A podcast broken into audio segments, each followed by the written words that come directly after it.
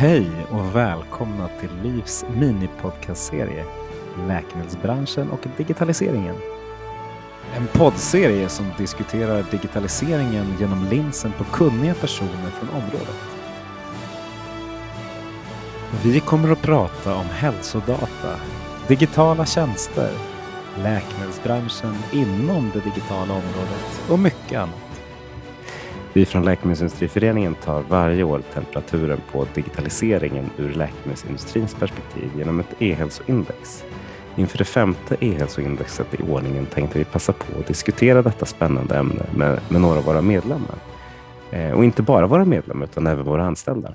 Eh, jag heter Magnus Lejelöw och arbetar för LIF med bland annat digitalisering och dagen till ära har jag med mig en kär kollega från LIF, Gunilla Englund. Välkommen till podden! Ja, men tack så mycket Magnus! Vi går rakt på sak. Eh, vem är du och vad, vad gör du idag? Ja, kanske inte just idag, jag... men kanske, kanske din roll. De flesta dagarna. Jag heter Gunilla Englund och jag är anställd som affärsutvecklingsansvarig för fast informationstjänster om läkemedel. Um, och det man kan säga att jag gör det är att eh, jobba med att göra våra tjänster så bra som möjligt så att den som faktiskt behöver läkemedelsinformation ska ha möjlighet att få det på ett så enkelt sätt som möjligt. Det låter ju ganska enkelt. Jag vet ju som jobbar med det att, att det är ett ganska brett område med allt från juridik till, till teknik. Vad är det mest utmanande i, i rollen idag? Ja, det är nog faktiskt den bredden och att det finns så otroligt mycket spännande att göra så att man får göra ganska hårda prioriteringar i vad hinner vi med? Vad kan vi få med? Mm. Eh, det är lätt att man blir väldigt ivrig och vill göra allt på en gång. Och så har man sådana kollegor som mig vid sidan om som säger, kan vi inte göra det här också? Kan vi inte göra det här mm. också? Ja, det finns ju absolut mycket tankar och idéer och stor entusiasm, både bland våra användare. Fast användare hör ju av sig dagligdags med tankar och idéer på vad de skulle vilja ha och hur de vill att FAST ska fungera. Och vi får mm. också in väldigt mycket tankar och idéer från de företag som deltar i FAST. Mm. Om vi blir lite filosofiska då. Nu låtsas jag att jag är filosofisk, men jag tänkte mest fråga vad, vad betyder digitalisering för dig? Det är ett ganska vitt begrepp. Ja, eh, rent privat så kan man ju bara konstatera att eh, digital teknik används precis hela tiden. När vi jobbar, när vi handlar, eh, ja, all, mer eller mindre allt vi gör så har man någon typ av digital teknik involverad. Eh, och för det allra mesta så innebär ju det här förenklingar och att man får eh, ja, men en större delaktighet i saker och ting. Man eh, har möjlighet att söka information. Man har möjlighet att hålla kontakten med personer långt borta. Eh, så på många sätt är det ju en dörröppnare eh, när man tittar på det. Jag kan tycka att det är lite skönt nu när digitalisering inte är något speciellt utan faktiskt börjar komma in som en del i allt vi gör. Vi har inte alltid digitala strategier utan vi använder digitalisering som ett hjälpmedel för att lösa våra strategier. Verkligen. Så tycker jag man ska se på det, att det är vilket problem är det man vill lösa oavsett om det man behöver inte alls vara fokuserad på att det ska vara digitalt, utan det är helheten. Vad är det vi vill åstadkomma? Mm. Och på tal om något analogt som har blivit digitalt men som fortfarande försöker lösa samma problem. Eh, du, du jobbar ju med FASS eh, som en del i, i, i liksom ditt breda uppdrag. Vad, hur ser du på FASS från, liksom, från förr till framtiden? Vad, eh, både vad kan det bidra och vad, hur, den digitala aspekten av FASS? Gud vilken bred fråga det där blev. Men nu... Det bred fråga. Vi kan i alla fall börja med att konstatera att FAST har funnits ända sedan 1960-talet, så det är en himla massa år där FAST har varit sättet att nå ut med kvalitetssäkrad läkemedelsinformation till de som behöver läkemedelsinformation. Ehm, och FAST har ju varit en tryckt produkt eh, ända fram till 2015, men det här med digitalisering började man jobba med tidigt. Eh, och när jag säger tidigt så menar jag Eh, ja, tidigt 90-tal. Eh, så att FASS har ju hållit på med digital teknik väldigt länge och det har ju att göra med att eh, FASS hanterar stora informationsmängder och det är information som kontinuerligt uppdateras. Så att då har det sina fördelar med att jobba med digital teknik de som eh, var vana vid fastboken vet ju att man, man håller ju inte alla uppgifterna, allt innehållet i huvudet.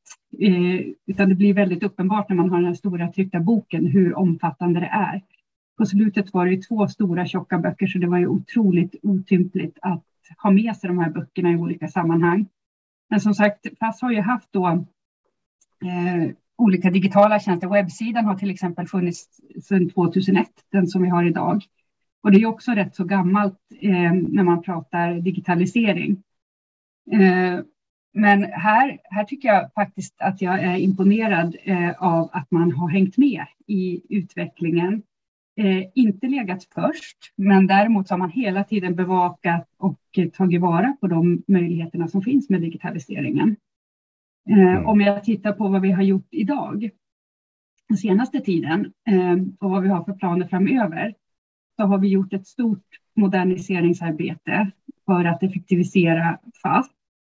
Bland annat så har vi utvecklat ett gränssnitt mot andra system så att det ska bli ännu mycket enklare för andra system att visa upp läkemedelsinformation. Eh, vi vill ju att de som faktiskt behöver läkemedelsinformation ska ta del av den. Man ska inte vara hindrad för att man tycker att det är besvärligt, utan där man är ska man kunna ta del av den läkemedelsinformation man behöver. Och då tror vi både att vi behöver våra egna webbsidor och appar, men vi tror också att vi behöver bli ännu bättre på att skicka ut information till andra system. Och det kan vara journalsystem, det kan vara apotekens webbsidor, det kan vara olika apputvecklare och så vidare. Det finns väldigt många aktörer som har behov av läkemedelsinformation.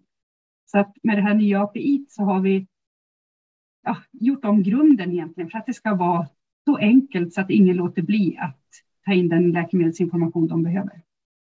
Mm. Och då på 2001 när vi var på webben så låg vi säkert högt på Alta Vistas ratings ja, mest sökta sidor. Det fanns inte så himla många webbsidor då så att eh... Ja, precis, då, då, då, men vi ligger fortfarande högst. Eh, tittar man inom vården så är det 1177 som är, som är större än vad FASS är vad det mm. gäller att söka information inom, inom vård. Vad, hur, hur, hur använder ni för fast den liksom breda, eh, att ni når ut så långt som, som ni faktiskt gör? Ni når så många patienter i Sverige? Ja, framförallt så ser man ju det som att med det kommer ett jättestort ansvar. Eh, och eh, FASS är ju sedan en tid tillbaka anmält som ett NMI, en typ av medicinteknisk produkt kan man säga, nationellt medicinskt informationssystem. Eh, och eh, i det ligger väldigt mycket utvärdering av patientsäkerhetsaspekten. Eh, och vi jobbar ständigt med både webbtillgänglighet, att de som alla ska kunna ha möjlighet att ta del av läkemedelsinformation. Och också att vi ska alltid vara uppe, fast ska inte ha någon nedtid. Så att eh, användarna ska kunna lita på att de hittar kvalitetssäkrad och uppdaterad läkemedelsinformation och att det är lätt att ta del av den och att man alltid kan nå den. Mm, ja, det är ett ansvar utan tvekan. Um, och på tal om an, andra ansvar, nu, när, när du och jag har spånat om vad man skulle kunna göra framöver med, med FASS har vi pratat om att kunna signalspana efter biverkningar. Det tycker mm. jag är ett så spännande exempel. Kan, kan inte du berätta lite mer för lyssnarna om, om mm. hur, du, hur, du har liksom, hur du visionärt ser på, det behöver inte vara så visionär, men hur du ser på framåt vad det gäller, vad gäller möjligheten att kunna signalspana efter biverkningar? Mm. Så här, eh, på FASS idag så gör vi ingen i princip dataanalys alls. Eh, men när man går in på webbsidorna så genereras det olika typer av data som skulle kunna analyseras vidare om man, om man eh, bygger upp ett system för det. Eh, och här ser vi möjligheter då att man genom att titta på de här data faktiskt skulle kunna bidra med nytta. Eh, och ett sådant område som jag verkligen vill utforska vidare är det här med att signalspana efter biverkningar. I Sverige idag har vi ett system och Europa har ett system för biverkningsrapportering. Grunderna till det kommer också från 1960-talet eh, då man öppnade upp för först förskrivare och sen långt senare också för patienter att kunna biverkningsrapportera. Och det är ju väldigt, väldigt värdefullt. Men det kräver en aktiv handling att eh, eh, vårdpersonalen eller patienten tar sig tid och genomför en sån biverkningsrapportering till Läkemedelsmyndigheten. Eh, vi skulle vilja se att den verktygslådan kompletteras med mer. Och där tänker vi lite grann som eh, man använder data från 1177 för att förutspå till exempel när vinterkräksjukan är på intåg och se att nu är det många som söker på de här symptomen. Att skulle man kunna genom att titta på de stora datamängderna som, som vi skulle kunna ha via pass, Eh, skulle man där kunna se förändringar i mönster och säga att här vill vi titta vidare. Vi vill vända lampan hitåt och beforska, är det någonting som händer här för den här produkten, för den här substansen? Eh, så det är ett område som vi har börjat att eh, utreda så sakteliga. Det är ju som du säger, många aspekter. Det tekniska är kanske det lätta. Sen har vi juridik och etik och annat som måste finnas på plats först. Mm.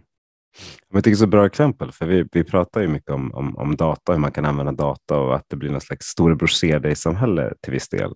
Men här är det en slags bra sak som, som ja.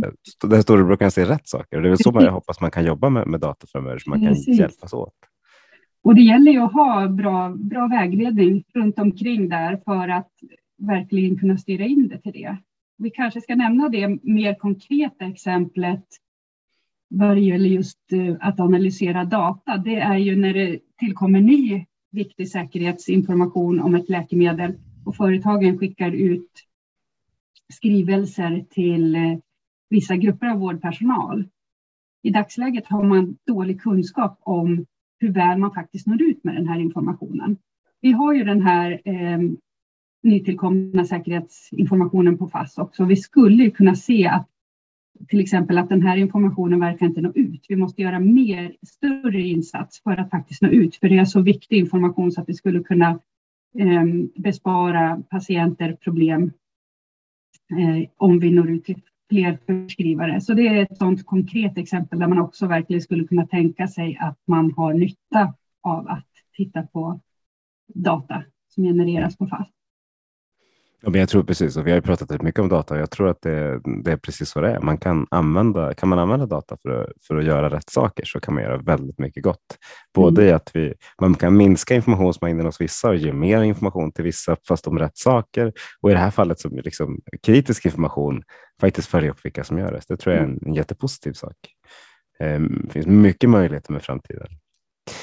När vi sitter i inspelande stund så har, har vi släppt två avsnitt i vår minipodcast-serie. Det tredje släpps på fredag. Det kommer ni kanske ha lyssnat på när det här kommer ut. Men eh, jag vet att du har lyssnat, lyssnat på, på något av avsnitten. Och vad, hur, vad, har du några reflektioner när du lyssnar på våra kunniga medlemmar kring hur, hur de pratar kring, kring branschen idag och framåt vad gäller det digitala?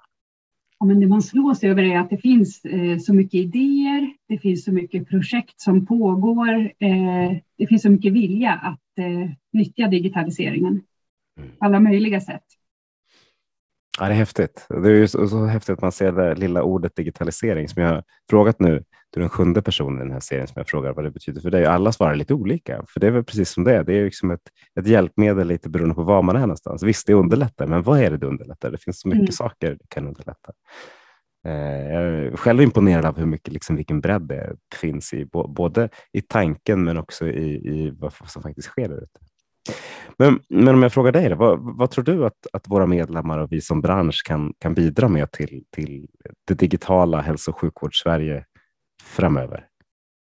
Också ja, Netly. Jag ställer bara små enkla ja, frågor till dig. Ganska breda frågor. Om jag tittar på de eh, företagen som, som deltar i FAST så har vi verkligen en sån himla bredd. Det är ungefär 220 företag.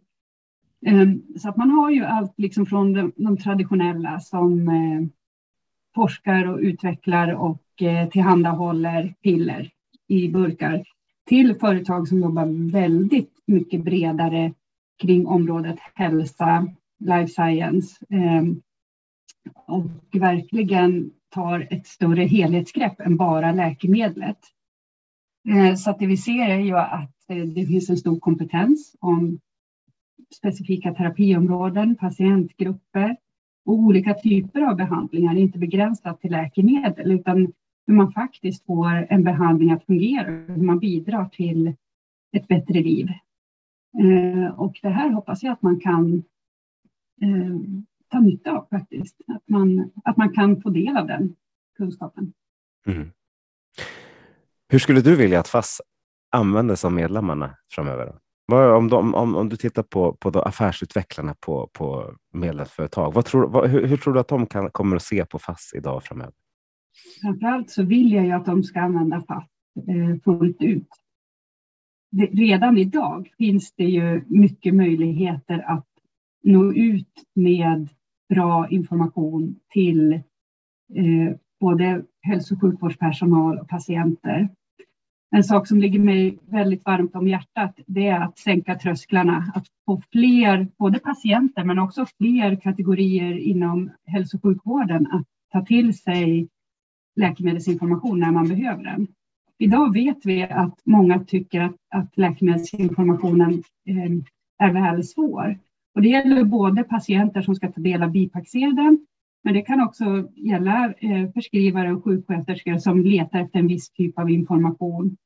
Eh, där problemet kanske är att det är så omfattande information så att man hinner liksom inte leta rätt på den. Så att det jag önskar från företagen är att de blir ännu bättre på att tillsammans med oss hjäl, hjäl, eh, jobba för att sänka de här trösklarna så att vi möjliggör för alla som behöver läkemedelsinformation att ta till sig den. Mm. Ja, en bra vision. Det tycker jag är mm. roligt. Det får ni lyssna på alla medlemmar som lyssnar på det här så vi kan, kan bidra tillsammans till att göra det ännu bättre. Om man, om man blickar utåt då, eh, hur, hur står sig FASS internationellt? Mm. Det jag framför allt gillar att jämföra oss med är våra nordiska kollegor i, i mm, Norge, Danmark och Finland. De har också eh, tjänster för läkemedelsinformation som har funnits länge och som de jobbar väldigt aktivt med. Eh, och eh, ja, här har vi återkommande avstämningar och eh, tittar på vad, vad, man har åstadkommit i de olika, olika länderna och eh, där är vi bäst på vissa saker och något av de andra länderna är bättre på andra saker. Eh, så att här här låter vi oss inspireras av bra lösningar och samtidigt så är det, ja, det är olika länder, vi har lite olika förutsättningar. Ehm, så att det ser inte riktigt lika ut. Ehm, vi tittar också en hel del på UK eh, som också har en tjänst som funnits sedan länge. Ehm, men det är ju en stor spridning i världen Eh, och det är väldigt olika fokus. I Sverige har vi som sagt sedan 80-talet haft ett relativt stort fokus på patient vid sidan av fokus på hälso och sjukvården. Att vi ser det som, eh, ja, idag har vi på FASS lika andel användare som är hälso och sjukvårdspersonal och patienter. Mm. Eh, precis, där skiljer sig världen rätt mycket. Om man tittar på, på andra delar av världen, till exempel USA, så har det rätt mycket patientcommunities. Mm. Patient like me är liksom gigantiska. Ser du, ser du att FASS kommer att bli ännu mer interaktivt framöver? Eller hur, vad, vad, vad, tror, vad tror du om, om FASS för patienter i framtiden? Mm, det är en spännande fråga. Framför allt så tror jag ju på att man skulle kunna nyttja FASS eh, för att ännu mer ge stöd till att genomföra läkemedelsbehandlingen. Eh, mm. En sån sak som vore väldigt spännande som vi inte har börjat att titta på men, det, men som skulle vara väldigt intressant i framtiden är ju det här om man kan skapa påminnelsefunktioner och lägga in reminders att nu eh, ska jag ta mitt läkemedel. Vi har ju en eh, ny fast app till allmänheten som vi utvecklade eh, och släppte för ett år sedan och när vi tog fram den så gjorde vi den med tanke att vi vill kunna göra mer med den här appen i framtiden. Eh, I dagsläget kan du gå in och läsa om ditt läkemedel. Du kan eh, kolla om läkemedlet finns i lager på ett apotek. Du kan spara informationen så att du hittar tillbaka till dina läkemedel och du kan dela om du vill. Till exempel läsa eh, bipacksedeln tillsammans med en anhörig mm. och diskutera vad det innebär eller kanske ställa en fråga till till din förskrivare. Ehm, men vi hoppas som sagt att man ska kunna göra det ännu enklare, att den här passappen ska kunna bli ett större stöd när man genomför sin läkemedelsbehandling. Idag har ju flera ehm, läkemedelsföretag appar eh, som de ehm, utvecklar tillsammans med sina läkemedel. Men vi vet ju att det finns många patienter som har betydligt fler än ett läkemedel. Och det är ju svårt att hålla reda på olika appar. Ja, eh, verkligen. Men tror du att det kommer bli så att, att patientfast istället man går till för att rapportera hur man mår och prata med andra patienter och så där? Eller vad, vad, vad, tror, vad tror du i framtiden? Det vet jag faktiskt inte, hur långt vi kommer gå i, i den riktningen, eh, community-riktningen. Och där, där är det ju eh, ja, den lagstiftningen vi har. Eh, till exempel så, så har vi ju väldigt tydliga regler kring marknadsföring, vad man får säga och vad man inte får säga om läkemedel. I en community-situation så tror jag inte att vi har någon möjlighet att se till att det följs. För där kan man ju skriva vad som helst. Alltså det går ut på att man skriver till andra medlemmar. Så att där, det är väl sådana bitar som man får titta på först. Mm. Ja, absolut. Alltså, det är ingen lätt fråga. Det var mest jag insåg att när, när man liksom börjar paketera runt så, så har vi navet i, i patientens läkemedelsbehandling här, vilket ju mm. är mm. jättehäftigt.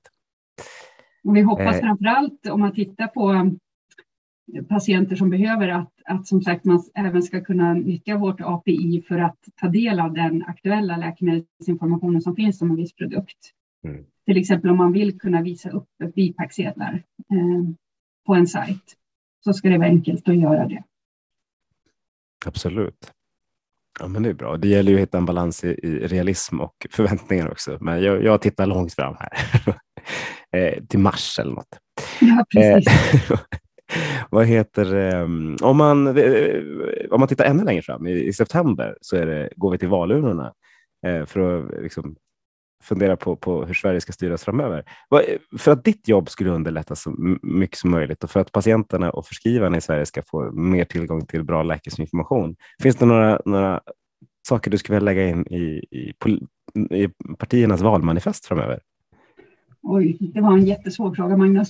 Ja, den är jättesvår, jag vet. Men, men ibland kan det vara så att man säger, ja, men den här, den här juridiska tycker jag är lite bökigt. Det skulle kunna ja. vara något. Ja, nej men det, del i det handlar ju om eh, eh, patientfokus och hur man faktiskt eh, förverkligar att patienten får reellt inflytande sin över sin behandling. Det handlar om jämställdhet också och regionala skillnader. Där har vi ju Eh, ett problem idag i Sverige, att man har inte riktigt samma förutsättningar överallt till att få lika behandling. Eh, och återigen så ser jag ju att det, även om det har pratats i många, många år om patientcentrerad vård och liknande begrepp, så det där till att det faktiskt sker. Det där att man faktiskt genomför sådana förändringar som får patienten att ha förutsättningar att vara delaktig, för det kräver väldigt mycket. Eh, och där igen eh, är jag inne på det här med att sänka trösklarna. Och det kan vara just på området läkemedelsinformation så tror jag ju att man har stor nytta av både bild och film och så vidare. Eh, och här är det inte alltid helt tydligt heller vad, vad vi får göra på FAST mm. och vad som är liksom inom, inom regelverket för att vara korrekt. Ehm, så där och, och, där blir det ju så att eh, vi lyfter den dialogen förstås eh, när sådana frågor uppstår innan vi springer på det. Men där skulle man ju vilja att eh, det blir ett tydligare fokus på att syftet med läkemedelsinformationen det är att faktiskt patienter ska kunna genomföra läkemedelsbehandlingen på ett korrekt och säkert sätt. Inte att det bara är fokus på att nej, men det här är förbjudet och det här är förbjudet, utan hur når vi till att fler kan genomföra läkemedelsbehandling på ett optimalt sätt. Mm. Ja, men det är klart, då kan vi få, kan vi få ramar för att, för att det ska vara tydligare hur vi kan hjälpa patienten som, som samhälle, så då skulle alla vara, alla vara nöjda. Det är ju väldigt bra ord. Eh, ty, tydlighet och transparens är ju en, en viktig del eh, i att för vi alla ska kunna verka. Mm. Du, när du gick in i det här digitala rummet med Gunilla, var det något du hade velat berätta för våra lyssnare som du, som du inte har fått berätta, tycker du? Jag trodde nog att vi skulle kanske komma in på det här med vad som är största svårigheterna. Vad är de största svårigheterna? förutom bristen på tid att hinna göra allt eh, spännande som dyker upp så är ju faktiskt den stora utmaningen eh, vad det gäller läkemedelsinformation innehållet. Eh, och det behöver man också se i ett visst tidsperspektiv. Vi har läkemedel som godkändes för 50-100 år sedan 50-100, eh, det är längre. Det är ganska länge, i alla fall när man pratar digitalisering. Så att vi, har ju, vi har ju läkemedel som har liksom funnits väldigt lång tid och man har stor klinisk erfarenhet. Men däremot så fanns inte kraven på kliniska studier på samma sätt som det gör eh, idag och sedan 20-30 år tillbaka.